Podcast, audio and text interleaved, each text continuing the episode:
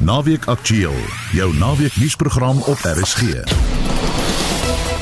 In vandag se program wêreldwyd neem die aantal bejaardes drasties toe.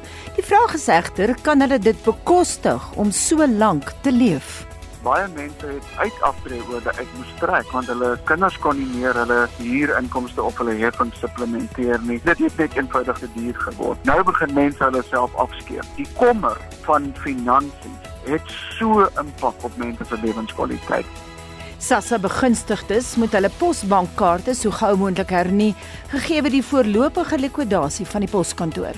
'n Regskenner kritiseer gister se appel of uitspraak teen Afriforum en meer skilpaaie as normaalweg spoel van jare uit tydens die seeskilpad broeiseisoen in die Oos-Kaap.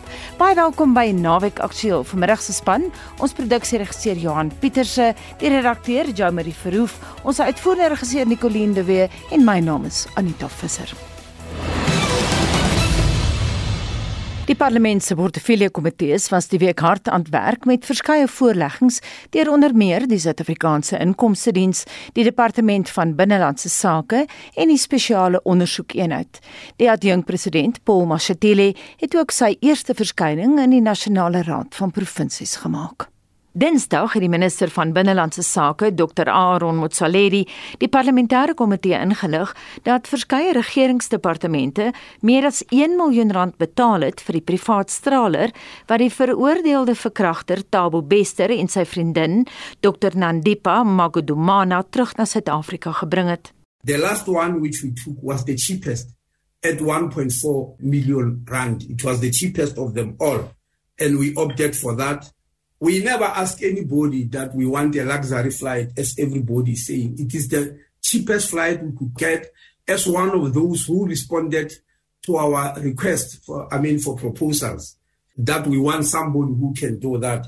And that's why then the 14 people got in and they came back. Die inkomste diens se kommissaris, Edward Kieswetter, het ruiterlik voor die staande komitee oor finansies erken dat Suid-Afrika baie sal moet doen om sy aansien te verbeter nadat Pretoria vroeër die jaar op die finansiële aksietaakspan se gryslys geplaas is.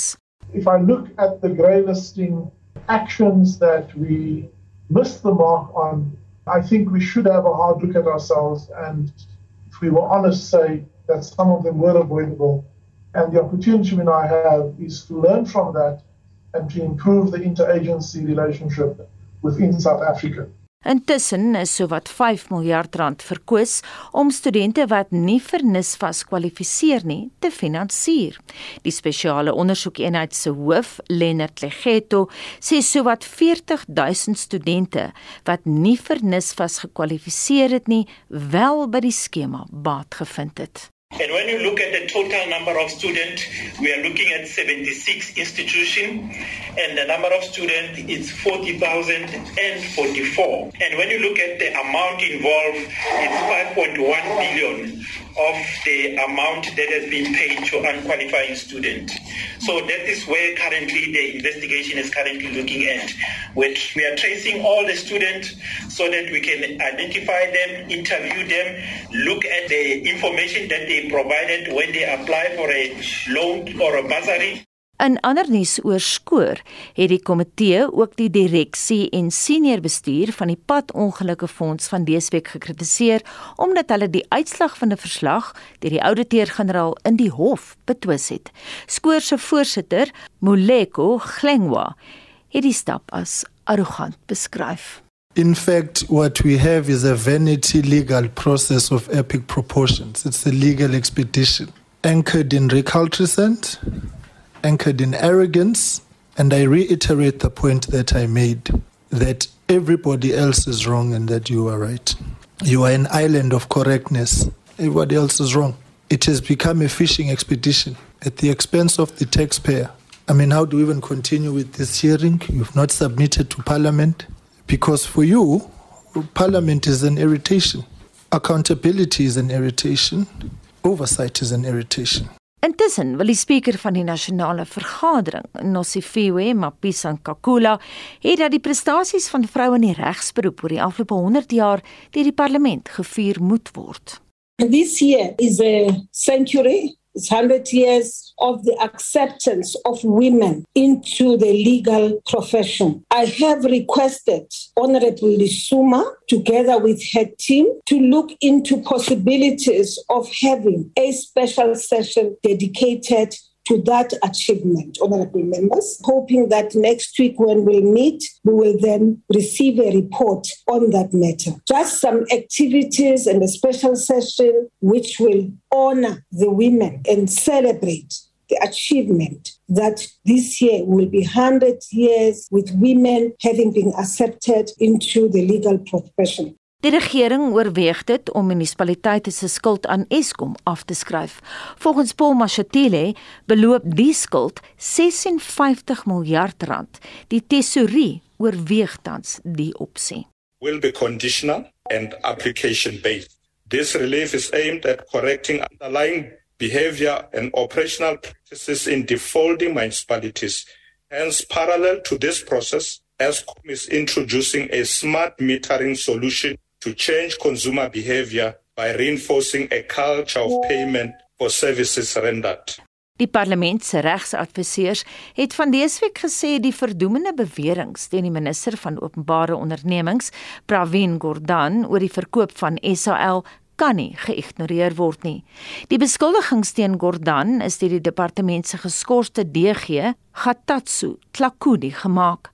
Die parlement het regsmenings oor Klakudi se beweringe ingewin en 'n beroep deur Floyd Shivambu, EFF se hoofsweep, vir 'n parlementêre ondersoek aangehoor. Klakudi beweer Gordhan het onwettig opgetree met die verkoop van SAL. Intussen sal Andre de Ruyter, Eskom se voormalige bestuurshoof, na verwagting volgende week voor skoor verskyn na beweringe wat hy gemaak het oor korrupsie by die kragvoorsiener. Dit volg op 'n brief wat deur die ANC LP Bekkie Gadebe aan Klengwa geskryf is. Gadebe het versoek dat die ruiter voor die komitee verskyn om vrae te beantwoord oor al die beweringe wat hy tydens 'n TV-onderhoud gemaak het. Die verslag van ons parlementêre korrespondent Mercedes Besent. Ek is Anita Visser in Johannesburg. Begunstigdes van SASSA toelaas wat die poskantoor vir hulle maandelikse uitbetalings gebruik, moet hulle posbankkaarte vinnig hernie of hulle uitbetalings via die banke of kleinhandelwinkels bekom. Meer as 5 miljoen Suid-Afrikaners gebruik posbankkaarte om hulle maandelikse toelaas te kry. Die kaarte sal egter oor 3 maande ongeldig wees. Dit kom te midde van die poskantore se voorlopige likwidasie. Meer as 5,5 miljoen SASSA kaarte sal aan die einde van Junie verval. Dit is die gevolg van Visa en Mastercard kaarte wat elke 5 jaar verval. SASSA goue kaarte kan by die Suid-Afrikaanse Poskantoor vervang word. Baie is bekommer dat die hernuwing van meer as 5,5 miljoen kaarte nie teen Junie voltooi sal wees nie. Begunstigdes het egter ander opsies soos om banke en supermarkte te gebruik as alternatief om sodoende hulle uitbetalings te ontvang. Begunstigdes sal egter 'n verandering van betaalmetode by hulle naaste SASSA kantoor moet versoek. SASSA woordvoerder Paseka Letsatsi sê die agentskap sal op Saterdag oop wees om mense by te staan. It is in actual fact the decision of a beneficiary if they feel inconvenienced by one platform they have a right to change to another one and in this instance what we have done we have basically approved that SASA offices must open even on Saturdays in case beneficiaries feel that they are inconvenienced. They have a right to come to a SASA office to request that their method of payment can be changed to the choice that uh, they think will then be able to help them. Om jou SASSA kaart te hernie, moet jy jou Suid-Afrikaanse identiteitsdokument en jou huidige Posbank goue kaart saamneem. Nuwe SASSA kaarte sal slegs by poskantore uitgereik word aan die persoon in wie se naam dit is. Litsatsi raai diegene wie se posbankkaarte aan die einde van hierdie maand verval aan om dadelik na vore te kom. The beneficiaries would obviously have to go to the post office with their ID with the proof that they've got an account. Those who whose cards are only expiring in April, they must do the card swap in April.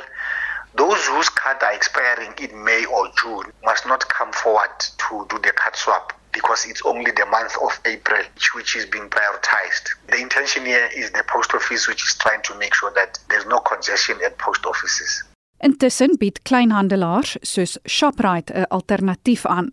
Shoprite se hoofbestuurder vir finansiële dienste, Jean Oliver, sê begunstigdes kan hulle SASSA-kaarte na 'n Shoprite geldmarkrekening oorskakel. A lot of the post offices are closing down. People that used to go to the post office now needs to find somewhere else to go and to collect their cash. The second concern is about 5 million post bank cards are expiring over the next three months. So, our key message at the moment is don't wait until your card expired, act now. Oliver sê sodra die kaart verval, sal begunstigdes wat op die maandelikse toelaat staat maak in die steek gelaat word. The big concern is when a card expires, you can actually can't put that card into an ATM, you can't go to a retailer, I mean you can't get money out of that account. So that will leave the, the grant recipient being stuck. They will then need to either go to a post office that's got card stock. We've also heard rumors that some of those post offices are running low on stock. Or alternatively, they need to select a alternative bank account to get their money paid into, like a money market account. Die Suid-Afrikaanse Poskantoor het intussen 'n reddingsboei van 2,4 miljard rand van die tesourier ontvang wat gebruik sal word om 'n mate van historiese skuld te delg. Ek is Veronique van Heiningen vir SAK nuus.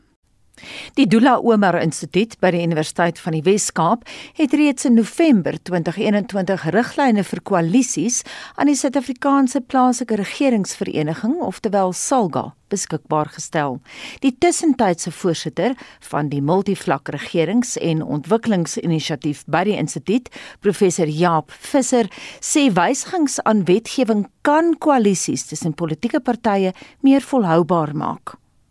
It will not solve all our problems, but it will help. For example, I think what we should do is we should introduce electoral thresholds in our electoral system, which would make it harder for the smallest parties to obtain seats in the council. You have to get, for example, at least 1% of the votes to be entitled to a seat. That would reduce the number of political parties in councils and would then also make it easier to form stable coalitions. 'n beperking op die aantal mosies van wantrou wat voorgestel en gedebatteer kan word, sal ook help. Because at the moment these motions of no confidence they get tabled almost weekly and however the chips fall in that week there's another motion of no confidence and the mayor is in and then the mayor is out and it becomes very unseemly and chaotic and really devastating for the municipal administration so I think we can introduce rules to for example say that you may only submit a motion of no confidence in the mayor if you also have the votes lined up for the replacement. Dit kan die magsvakuum stabiliseer nadat 'n burgemeester uit die kussings gelig word. Another thing that we can do is we can insist by law that coalitions must produce coalition agreements and that those must be made public, that the public is entitled to know what the program is of the coalition and that that program and also the distribution of seats is made public so that it also becomes more difficult for a coalition partner to just of walk away from it because the voters and the public will know that that party has signed up for a particular agreement. 'n Stelsel waar die hele raad moet loop wanneer die burgemeester in die pad gesteek word, skep 'n onbestendige stelsel. We can look at other aspects of the law. I would actually argue for the abolition of the executive mayoral system, which is a winner takes it all system. So if you have a narrow majority in the council, you cobble together a coalition with a 50% plus one that votes in an executive mayor, and then the executive mayor can then appoint a mayoral committee from his or her coalition only. So the moment that the, the executive mayor is then fired by a, a, council meeting, then the whole mayoral committee must go again because they're all tied to the executive mayor. Bestaande wetgewing moet gewysig word om 'n komitee te skep wat die hele raad verteenwoordig. And that that committee takes the leadership of the council and that it provides more stability because distribution of these executive seats is already provided for in the law. So you don't have to negotiate about how many mayoral committee seats are going to be given to what party because the law already provides that. I think those interventions we can make in the law, which I think will go a long way. Dit sê Jaap de Visser, sal politieke partye keer om opportunisties op te tree. And long-term interest of residents in mind and not just a short-term interest of I want to grab hold of that seat tomorrow and I want to grab what I can for myself. And I think we really need to push as voters and as the public that our political parties really behave more maturely and more ethically in the formation and management of coalitions. Ten spyte van duidelike riglyne is koalisieregerings op plaaslike regeringsvlak onbestendig. Waarom? Politics in local government is quite crude at the moment. The framework that we drafted in 2021 gives guidance to political parties on how to behave in coalitions and how they can stay within the limits of the law. We still see a lot of problems in municipal councils. The main reason is just the immature nature of our politics, unfortunately, and also the fact that we have too little experience with managing coalitions. We haven't developed yet conventions that political parties buy into in the context of coalitions.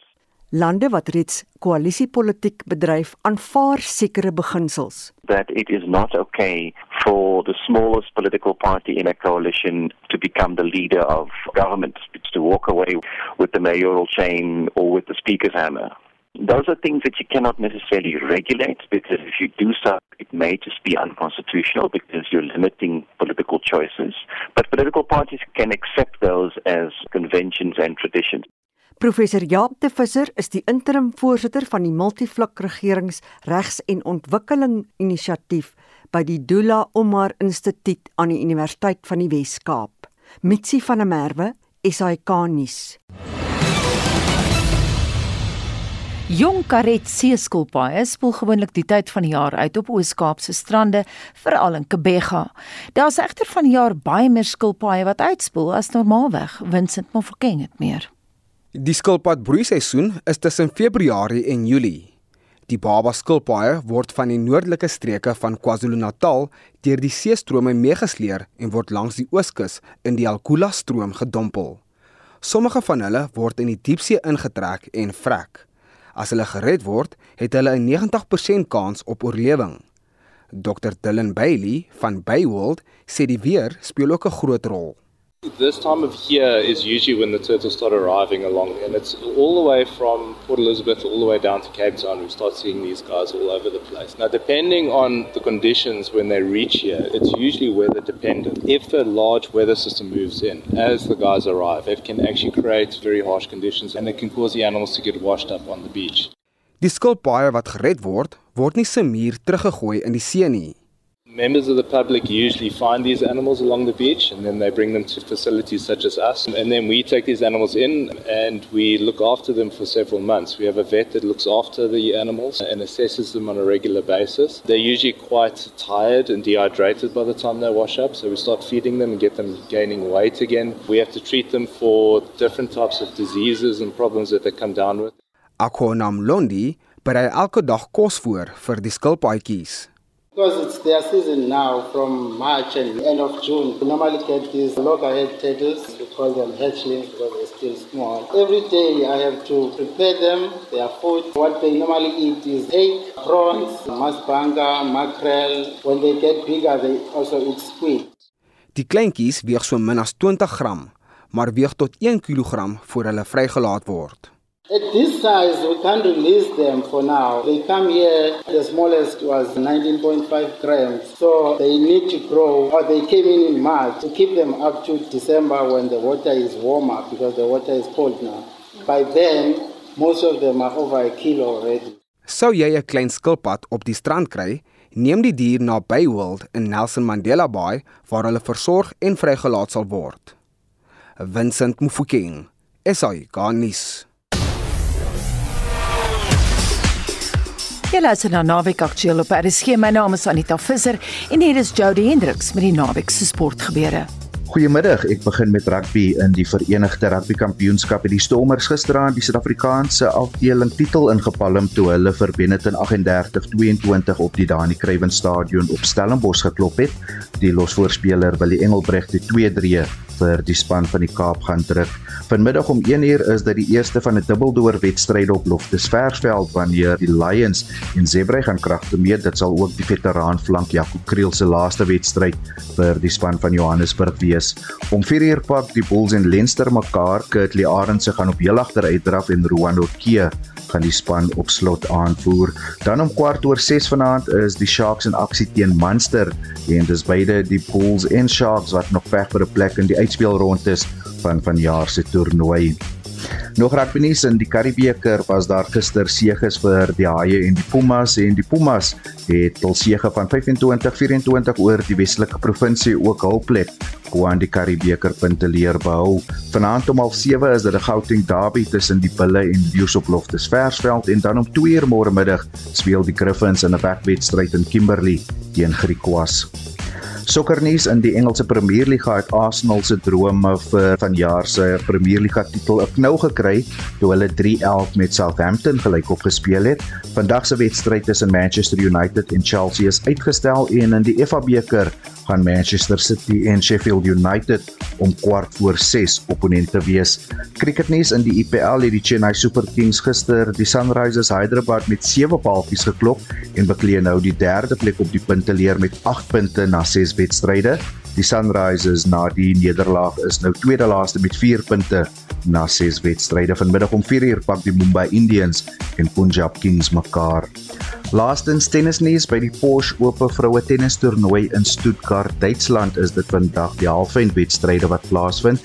Die eerste kragmeting van die dag gaan Aryna Sabalenka teen Anastasia Potapova te staan kom en dan om 2uur vanmiddag is dit Iga Swiatek en Ons Jabeur van Tunesië wat gaan swaar te kry. Jody Hendricks vir RSG Sport. Suzuki het hierdie week sy Grand Vitara bekend gestel. Die nuwe model, geklee in 'n stylvolle baadjie, boks beslis nou in 'n hoër gewigsklas. Justin Kennedy het die motor in die Suid-Kaap gaan toets.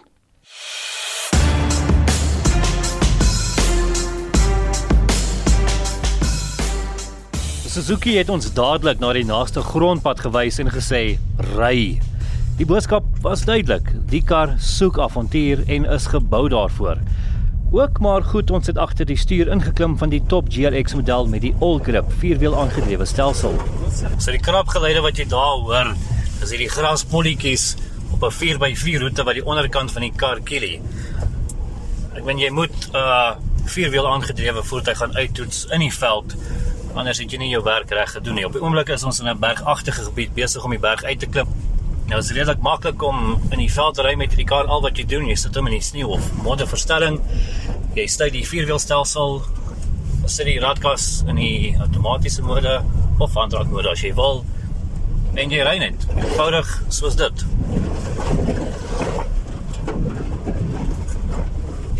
Ons het al 'n paar styltes uitgeklim en sover nog geen moeilikheid gemaak nie. Of moeilikheid gekry nie. So far, absolutely solid car. 4x4 system works really well. It's not even remotely struggling to get up the hill. And as a passenger, you can hardly feel um, the bumps as we go over one up. Ons ry nou in uiterste gemaak. Jy kan met my stem hoor dat ons rondgegooi word.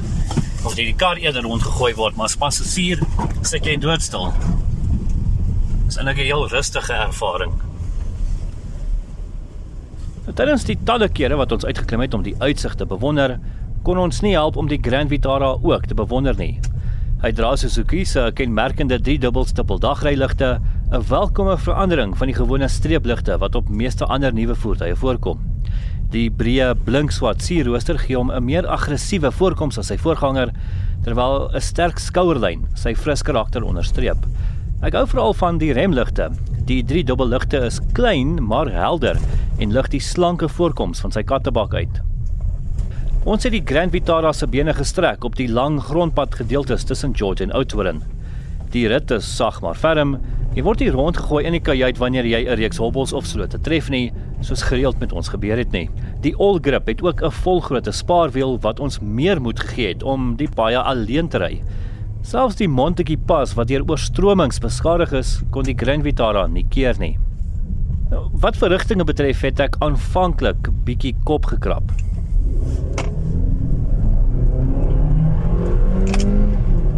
Ons tweede en derde rad. En dit voel die oomblik wat jy in derde ingaan, verloor hy bietjie stoom. Trek jy nie meer so hard nie. Maar jy moet ook in gedagte hou dat ons hierdie kar letterlik van die boot af gekry het met 60 km op die klok. So hy is nog nat nie en nog nie heeltemal ingery nie. So ons kan verstaan dat hy bietjie swaarder op petrol gaan wees en ook nog nie sy volle potensiaal ontsluit het nie. Maar verder is die outomatiese radkas baie vinnig en baie glad. Dit kan skaars voel wanneer hy van rad verwissel. En selfs die pedale agter die stuurwiel help nogal om hom in daai regte rad te hou as jy teen 'n bult moet uitklim. Die Grand Vitara All-Grip is toegerus met 'n 1.5 liter engine wat 76 kW en 137 Nm wringkrag uitskop wat aangehelp word deur 'n ligte hibriede stelsel, die eerste van sy soort wat Suzuki in die land inbring. Bietjie meer daaroor later in die berig. Brandstofverbruik volgens Suzuki is 5,6 liter per 100 km. Ons verbruik was 8,8 liter per 100 km, maar hou in gedagte dat ons in die veld gery het en ons het ook die pedaal gereeld diep ingetrap op die veldpaadjies tussen George en Oudtshoorn. Die ligte hibriede stelsel wat Suzuki gebruik, werk anders as jou deursnit hibriede stelsel wat jy in ander motors kry. Die bemarkingsbestuurder van Suzuki Suid-Afrika, Brendan Carpenter, het my verduidelik hoe dit werk. Ja, nee, hy smeer daar om die engine by te staan wanneer in hoë, kom ons sê, lading toestand is so of ek nou gelaai is of as jy nou by 'n bult opry soos ek verstaan ook hy kan bietjie krag toeboet maar dis nie om addisionele kom ons sê wrinkrag of so te bied nie. Dis maar net om kom ons sê al die ander goed soos die waterpomp en daai tipe goed te ondersteun in sodat die engine nie so baie labour op daai op daai oomblik nie. Wat die spesifikasies betref hou Suzuki by sy wenresep Die intree vlak kom standaard met 'n 7-duim raakskerm, outomatiese klimaatbeheer, spoedbeheer, 'n 3-kamera en 6 lugsakke. Die GLX model kry 'n 9-duim raakskerm met 'n 360 grade 3-kamera en panoramiese sondak by. Wat die prys betref, begin die intree vlak handrat op 339900 terwyl jy R20000 meer sal betaal vir die outomatiese radkas. Indien jy meer speelgoed en 'n outomatiese radkas wil hê, sal jy R417900 vir die GLX betaal, terwyl die hibriede topmodel met die all-grip stelsel jou R529900 uit die sak sal jaag. In die vliegtuig op pad terug na Johannesburg het ek bietjie oor die bekendstelling gedink en waar ons oral gery het.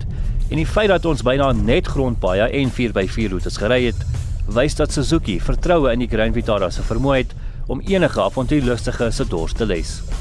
Ek is Justin Kennedy in George.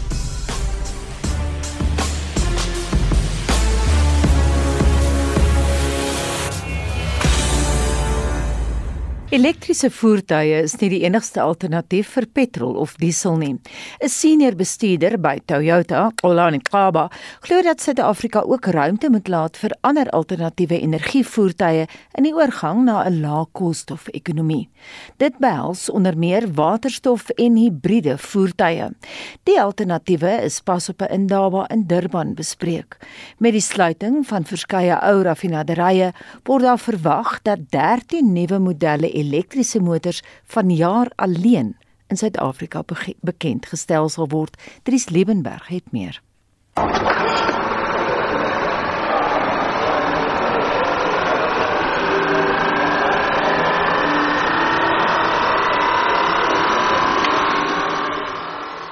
Dis hoe dit klink as 'n elektriese motor aangeskakel word.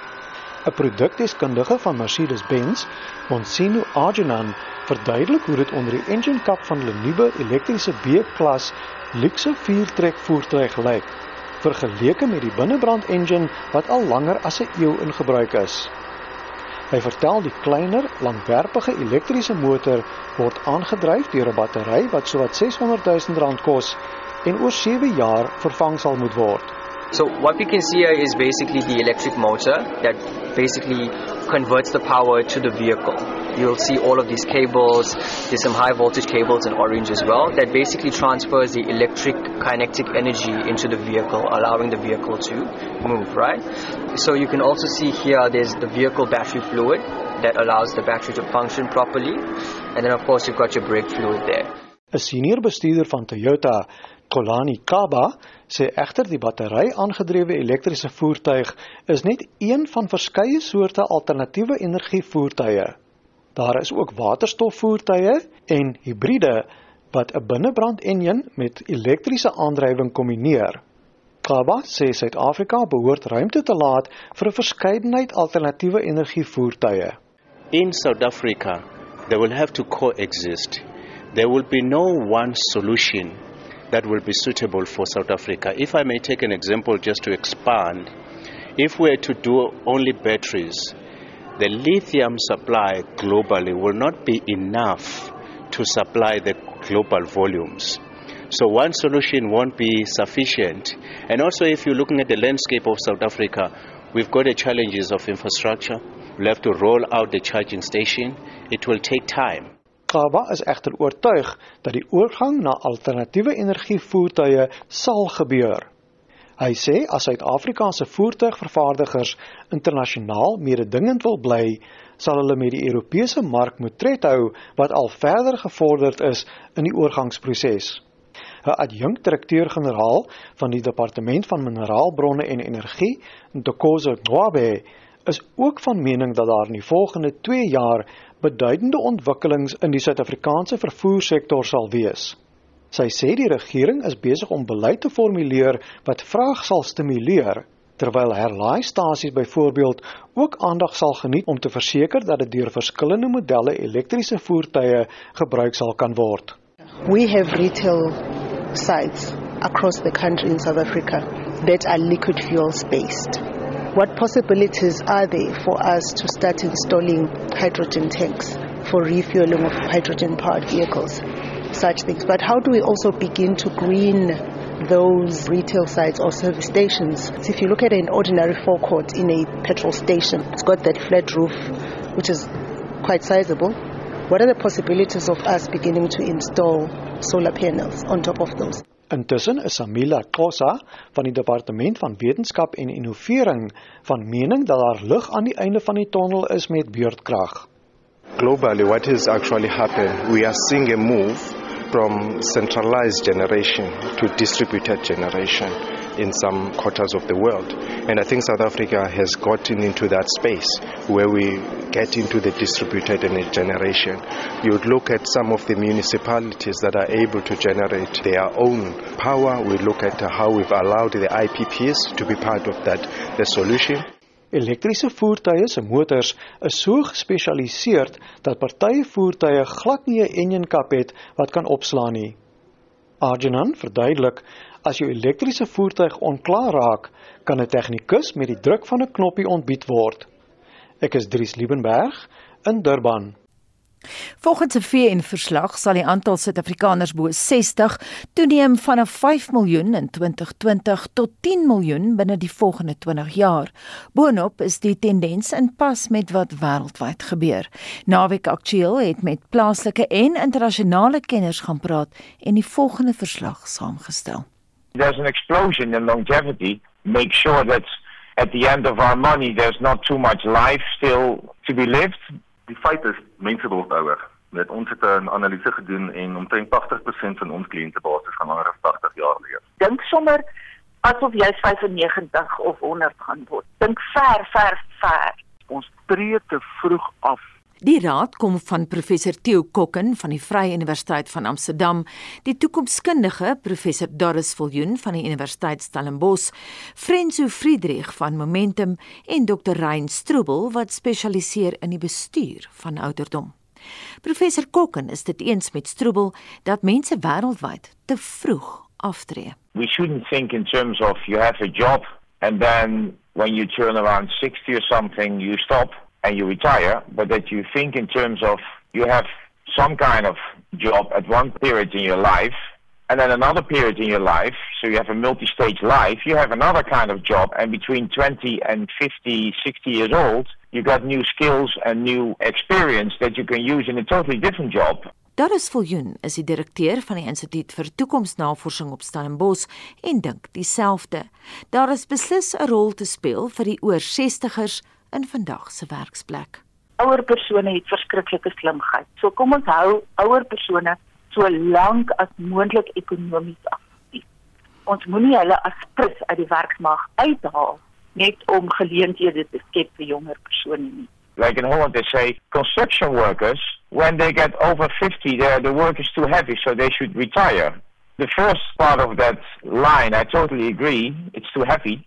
But the second part of the line is they should retire, is no, they should reinvent themselves and they should do something else for the next 30, 40 years of their lives instead of doing nothing. Maar plan maak, die moet ons en gou. En by ons bedoel die kenners, die owerheid, die individu en die samelewing as geheel, want die statistiek is klinkklaar, sê Theo Kokken vanuit Amsterdam. In a few decades in Africa people got 10 years older. It took 50 years in Europe to get 10 years older, but it took only 20, 25 years in Africa because of the improvement in healthcare. In 1950 was daar 200 miljoen mense ouer as 65 en vandag het daai geval toegeneem tot uh, 580 miljoen. Die mense ouer as 60 gaan teen 2025 1.2 miljard groot wees. Ons glo dat dit 'n uh, wêreldwye tendens is. Ons kon self sien in China nou het hulle besluit hulle gaan begin om insentiewe te gee vir mense sodat hulle meer kinders moet hê sodat die bevolking nie so oud raak nie. Dit is maar as gevolg van 'n klomp faktore, jy weet, die gesondheidssektor het toegetree tot die geveg en mense kry beter gesondheidsdekking deesdae ook so mense raak maar ouer en hulle spaar nie genoeg nie en hulle spaar al minder. Dr. Rein Strubel is 'n gerontoloog wat sy doktorale teses oor demensie gedoen het. Hy sê dis nie net die werksplek wat moet aandag kry nie, maar ook die woonplek van ouer mense. Die oomblik as ons mense in een hok sit met net een gemeene deler in hierdie geval oud word, word dit dikwels 'n baie negatiewe sielkunde wat daar ontwikkel. Ons noem dit 'n malignant psychology. Dit is vir baie mense wat so lank leef net eenvoudig nie finansiëel volhoubaar nie. Hulle kan nie oor die langtermyn heffings van 10, 11, 12, 13, 14, 15000 rand 'n maand betaal nie. Ons sien dit nou veral na COVID dat baie mense het uitaftreeorde uit moes trek want hulle kinders kon nie meer hulle huurinkomste of hulle heffings supplementeer nie. Dit het net eenvoudig duur geword. Nou begin mense hulle self afskeep. Die kommer van finansies het so impak op mense se lewenskwaliteit. As jy elke maand moet wonder, jy weet, hoe lank gaan ek nog leef? Gaan ek nog my heffings kan betaal? Dit is regtig regtig 'n verskriklike kommerwekkende fenomena wat ons op die oomblik in aftreeoorde sien. Op sy beurt waarsku Frenzo Friedrich oor die skuldlas wat baie pensionaarsse dra. Daar's 'n groot skuldmonster op baie mense se skouers. So Hulle gebruik dan 'n klomp van hulle pensioengeld vir al daai 1/3 wat jy vrywillig kan neem by aftrede om hulle skuld af te los. En dit is natuurlik ook 'n groot probleem.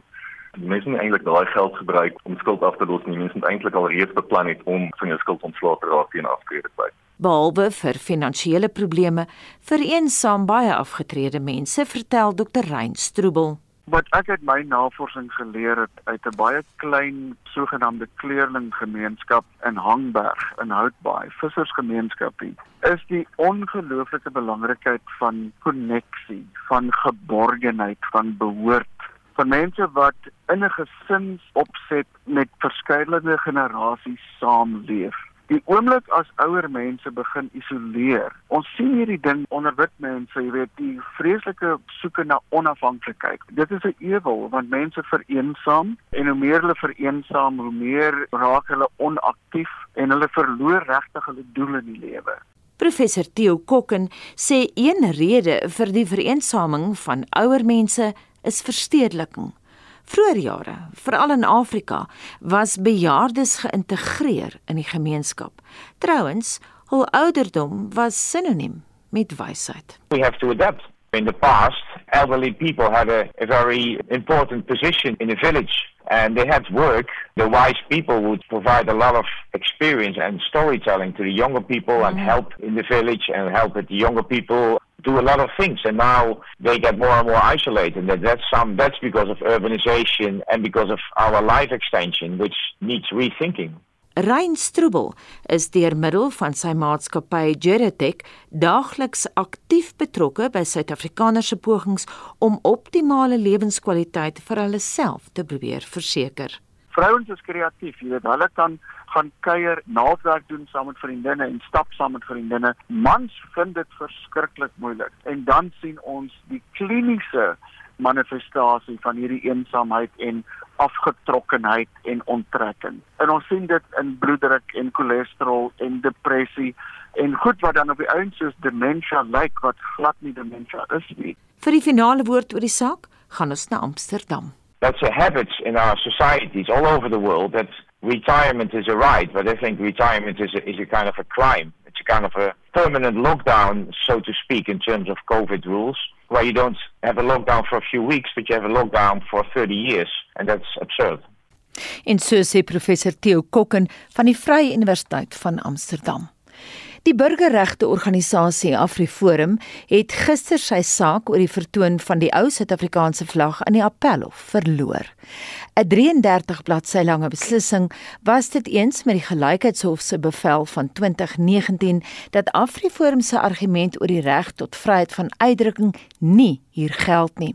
AfriForum se hoof van strategie, Ernst van Sail, het so daarop gereageer ons reaksie is meer van 'n groot prentjie reaksie spesifiek rondom hierdie hofsaak. En die groter prentjie hierso, jammer om te sê, maar ons sien dat die reg tot vryheid van uitdrukking in hierdie land raak net afgewater by die dag, by die jaar, uh met hofsaake soos hierdie. Die ding is Afriforum staan nie hierso spesifiek vir die ou Suid-Afrikaanse vlag nie. Ons staan vir die reg van vryheid van uitdrukking. En die ding is, as die groter prentjie kom, jy kan nie regtig sê jy's vir die vryheid van uitdrukking soos wat dit in ons grondwet bevestig word as jy nie aanstootlike simbole ook toelaat nie dan is jy nie regtig vir vryheid van uitdrukking nie en dis juis wat hierdie saak so moeilik en ingewikkeld maak maar terselfdertyd iemand moet dit veg andersins gaan ons binnekort sit sonder enige vryheid van uitdrukking in hierdie land en sonder vryheid van uitdrukking kan jy geen van jou ander regte beskerm nie want dan is jou mond gesnoer.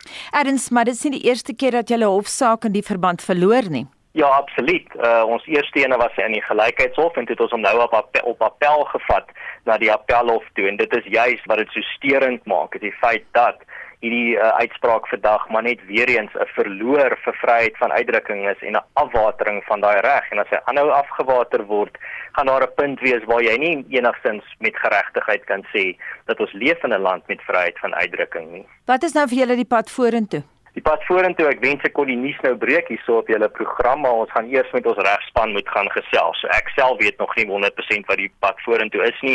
Ons gaan nou hoor uh deur 'n regsmening te kry wat ons opsies is en dan sal ons die publiek laat weet. Is julle dit almal eens oor die pad vorentoe binne die organisasie? Wel, as dit kom by wat Afriforum voor staan, is een van ons kernbeginsels vryheid van uitdrukking. So ek dink as jy 'n lid van AfriForum is, sou jy nie 'n lid geword het as jy nie geweet het waarvoor AfriForum staan nie. En my ervaring ook, ek werk nou al baie jare by AfriForum het ek ook nou agtergekom dat as van ons lede wel nie met ons saamstem oor een of twee van ons punte nie, bly hulle steeds lede want hulle sien die groter prentjie van wat ons doen. Ons mag verskil. Ons almal moet nie dieselfde wees nie. Ons moet meningsverskille kan hê en kan debatteer oor hierdie goed, maar ons lede verstaan en hulle wys dit deur hulle ondersteuning dat hulle weet waarvoor AfriForum staan, waarvoor ons veg en hulle staan by ons vir die toekoms en dit is baie goed om te sien. Ek sien egter dat die Appelhof se beslissing was baie deeglik. Ons praat hier van 33 bladsye.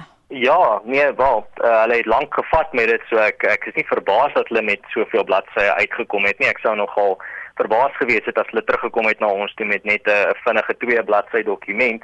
So ja, daar's nog baie om te ontleed daar. Ons regspan is besig om hulle het al klaar deur dit gelees, maar hulle gaan dit nog fyn kam in die volgende paar dae en juis gebaseer daarop gaan ons ons volgende besluit maak as ons nou al die opsies oorweeg het en deeglik weer eens uh deur hierdie ehm um, hierdie uitspraak gewerk het en daar is baie om deur te werk. So dit is hoekom dit nog 'n tydjie gaan vat voor ons besluit. Erns, kan jy intellektueel, nie noodwendig emosioneel nie, maar kan jy intellektueel aanvaar dat die vlag vir sekere Suid-Afrikaners nie gewens is nie? die vlag is natuurlik aanstootlik vir ander Suid-Afrikaners. Daar's baie goed wat vir baie mense aanstootlik is. Ek vind uh, die ANC se rassediskriminasie teen 10-jarige kinders op laerskool aanstootlik en dis is die ANC se vlag vir my aanstootlik, maar ek roep nie vir hulle vlag om verbân te word. Dit dan Erns van Sail Afriforum se hoof van strategie. Vroeger vanoggend het die konstitusionele jurist emeritus professor Koos Malan ook kommentaar op die uitspraak gelewer. Ek is nie verbaas met die uitspraak nie. Ek dink ook dat sou Afriforum hulle beroep op die konstitusionele hof dit waarskynlik in dieselfde rigting sal gaan en die konstitusionele hof inderdaad ook sal bevind dat die vrywillige vertoon van die ou vlag sonder goeie rede inderdaad op haatspraak sal neerkom. Dis my voorspelling. Ek dink die uitspraak is 'n gevaarlike uitspraak vir die volgende rede dat die vertoon van die ou vlag vir baie mense in Suid-Afrika, meer bepaald vir swart mense, aanstootlik is en beledigend kan wees en inderdaad is. Dit lê geen twyfel nie. Maar ons moet in gedagte hou dat die begrip haatspraak of haatbetuiging is eintlik iets wat die ergste, die mees ekstreme vorm van afkeer, belediging en haat teenoor mense betuig teenoor wie dit gerig is. So dit is net in uitsonderlike gevalle waar mense tot die gevolgtrekking kom dat dit inderdaad die geval is dat haatspraak voorhande is. En ek dink in hierdie geval het die hof te ver gegaan. Ek dink dit is 'n gevaarlike uitspraak vir soverre as wat dit die beginsel van vryheid van uitdrukking vir al politieke uitdrukking wat ten grondslag behoort te lê van demokratiese samelewing dat dit in die gedrang plaas. 'n Klop goed kom in die spel. Jy kan argumenteer en dis basies waarop dit neerkom dat die ou vlag is aanduidend van wit heerskappy, wit nederwaardigheid. Maar as ons nou kyk na alles wat nederwaardig wit is in Suid-Afrika, dan uh, het ons vinnig 'n klomp ernstige probleme. Jy kan byvoorbeeld die vraag vra maar wat van die Suid-Afrikaanse staat as sodanig? Die Suid-Afrikaanse staat is die produk van suksesvolle Britse imperialisme, van blanke politiek van die ou dae en van nog steeds. Jy kan verder argumenteer dat elke besonderse argitektuur of die mees besondere argitektuur in die land of dit nou is die Unie gebou of die parlement en of dit nou is die Kaapstad se stadsaal alles is aanduidend van westerse argitektuur en alles kan moontlik aanstoot gee. Trouwens daar is mense wat inderdaad so argumenteer dat bepaalde skole aanstootlik is vir swart mense, juis vanweë die westers gebaseerde argitektuur. Jy maak regtig die spreekwoordelike can of worms oop van 'n klomp goed wat in die gedrang kan kom wat as onaanvaarbare spraak beskou kan word voorspruitend uit hierdie uitspraak. Nou dis die tweede hofsaak met dieselfde beslissing wat sou Afriforum se opsies nou wees gegee word die feit dat jy dink as hulle konstitusionele hof toe sou gaan sal die uitspraak soortgelyk wees. Ja, vanuit 'n regsoogpunt, 'n streng gesproke regsoogpunt is daar eintlik geen rede om na die konstitusionele hof toe te gaan nie wat my betref. Wat wel die geval sal wees indien die grondwetlike hof 'n soortgelyke uitspraak sal gee, skep dit natuurlik ook 'n probleem vir die howe as sodanig want ons het te gelykertyd ook uitsprake weliswaar nie deur dieselfde howe nie maar dat die spreek uh, skiet die boer inderdaad nie op haatspraak neerkom en dit skep 'n probleem vir die integriteit van die howe as sodanig Dit dan emeritus professor Koos Malan. Vandag word Aardedag wêreldwyd gevier. Amptelik is Aardedag op Woensdag 22 April 1970 in die VSA geloods. Statistiek oor die presiese aantal spesies wat reeds uitgesterf het, wissel afhangend van watter bron jy gebruik. Naweek Aktueel het 'n wetenskaplike wat spesialiseer op rooi lyste, Devedin van der Kolf van die Nasionale Biodiversiteitsinstituut gevra of sy 'n syfer aan die uitgestorwe gestorwe spesies kan heg? Ek sal nie spesifieke getalle wil gee nie want op die oomblik is daar dat 'n hele klomp navorsers wat kyk na maniere om te bepaal hoeveel spesies nou werklik al uitgesterf het. Ons is uitig in die hulle noem dit die the sixth mass extinction, so die sesde massa uitsterwing en dit is nou anders as die vorige uitsterwings waar daar 'n natuurlike ramp was en 'n klomp spesies uitgesterf het. In die huidige een is dit anders want dit word aangedryf deur die aktiwiteite van mense. Soos op die oomblik in die Anthropocene, so die tyd van mense waar al die dinge wat ons eintlik nou doen bydra tot tot spesiese uitsterwing. As ek kan meer fokus op Suid-Afrika, mm -hmm. um, ons is mega divers land. Ek hoop ek sê dit nou reg, 'n mega diverse country. En ons is een van 17 van sulke lande en Suid-Afrika het drie van die ons met biodiversiteit hotspots in Suid-Afrika het ons 'n hele klomp spesies, maar ons het baie min spesies wat nou werklik al uitgesterf het. As ek net na 'n paar van die getalle kan kyk vir ons diere, het ons net ons het drie skoenlappers wat aangeteken is as uitgesterwe, drie soogdiere en dis nou die blou bok wat net in die Kaapse Skiereiland voorgekom het. Dis nou die Kaapse leeu en ook Cape Warthog. So dis nou die subspesies wat net in die Kaap voorgekom het. En dan is daar twee um, reptiele wat ook al uitgesterf is. En hierdie assessering is gebaseer op die IUCN Red List. Ons gebruik dit in Suid-Afrika. Ons nasionale rooilys gebruik dieselfde kriteria en en kategorieë as die internasionale een en hierdie spesies wat ons nog assesseer het as uitgestorwe is nou gebaseer op wat in Suid-Afrika uitgestorwe is. Almal van hulle is was inheems in Suid-Afrika wat bedoel is werklik 'n globale uitsterwing. Suid-Afrika is een van 17 mega diverse countries wat bedoel ons het groot aantal biodiversiteit in die land relatief tot die oppervlakte van die land. So in Suid-Afrika as jy nou vergelyk hoe groot Suid-Afrika is en dan vergelyk na ander lande, het ons veel meer spesies as wat sê 'n plek soos Rusland of sê ook Amerika se kan ek daar gedink dit is 'n baie groot plek, maar as jy kyk na die aantal spesies in Suid-Afrika aansienlik veel meer. Brasilië, ek dink dis eerste op daai lys en dan lande soos Colombia is ook gesien as mega diverse countries. 'n goeie voorbeeld ons het hierdie drie hotspots soos die Cape Floristic region so dis die Kaapse floristiese area so dis een van die biodiverse hotspots waar ons so baie spesies in hierdie klein spasie het en dis hoekom dit 'n hotspot is en ons het drie van daai in Suid-Afrika En as ek net 'n bietjie kan praat oor die plante spesifiek en dis wat Suid-Afrika spesiaal maak, ons het meer as 22000 spesies wat in meer word ook beskryf. Suid-Afrika se plante het ons op die oomblik aangeteken 36 uitsterwings en dan 'n internasionale studie het weer 47 uitsterwings gevind. Die taak om te bepaal of 'n spesies uitgesterf het of nie, is nie baie maklik nie. Jy moet gaan soek daarvoor, jy moet in die regte tyd gaan kyk. Dis 'n komplekse saak en dis hoekom baie van die studies wat uitkom oor die eintlike aantal spesies wat nou uitgesterf het, die getalle wissel, maar as jy net na hulle almal kyk, is die groot boodskap regtig dat daar wel 'n toename is in spesies wat uitsterf. So dis na verwant aan die impakte van mense, soos hoe die mense dinge beïnvloed in die huidige era. Spesifiek die bydra tot klimaatsverandering, die habitatsverlies en al daardie goedes. Dit dra nou by tot 'n toename in sterwings in die meer onlangse tyd. Wat kan ons doen om die situasie te verander? Is daar nog iets redbaar? Maar ek sal definitief sê dat dit is definitief dinge redbaar vir al in Suid-Afrika.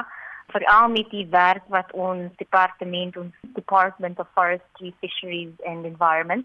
So op die oomblik ons woon in 'n land wat nog baie moet ontwikkel en ons sit ook in 'n biodiverse land. So hierdie twee goed maak nie sin dat hulle nie noodwendig saam meld nie, maar om daar verby te kom en seker te maak dat Afrika ontwikkel en dat ons ons biodiversiteit beskerm, het ons op die oomblik ons noem dit die DFF screening tool.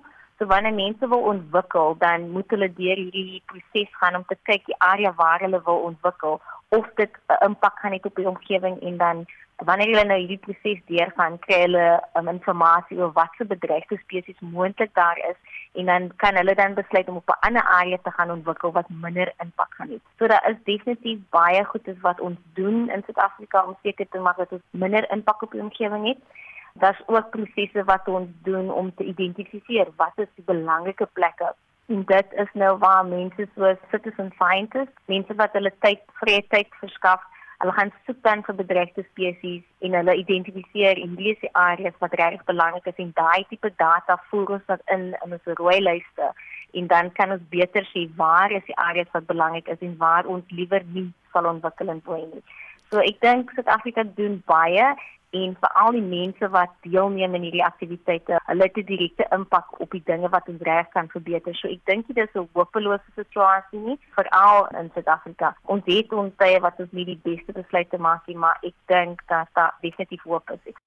En so sê Davidine van der Kolf van die Nasionale Biodiversiteitsinstituut. Ons groet namens ons uitvoerende regisseur Nicoline de Wee, vandag se redakteur Jo Marie Verhoef, ons produksieregisseur Johan Pieterse en ek is Anita Visser. SAK nuus. Onafhanklik, onpartydig.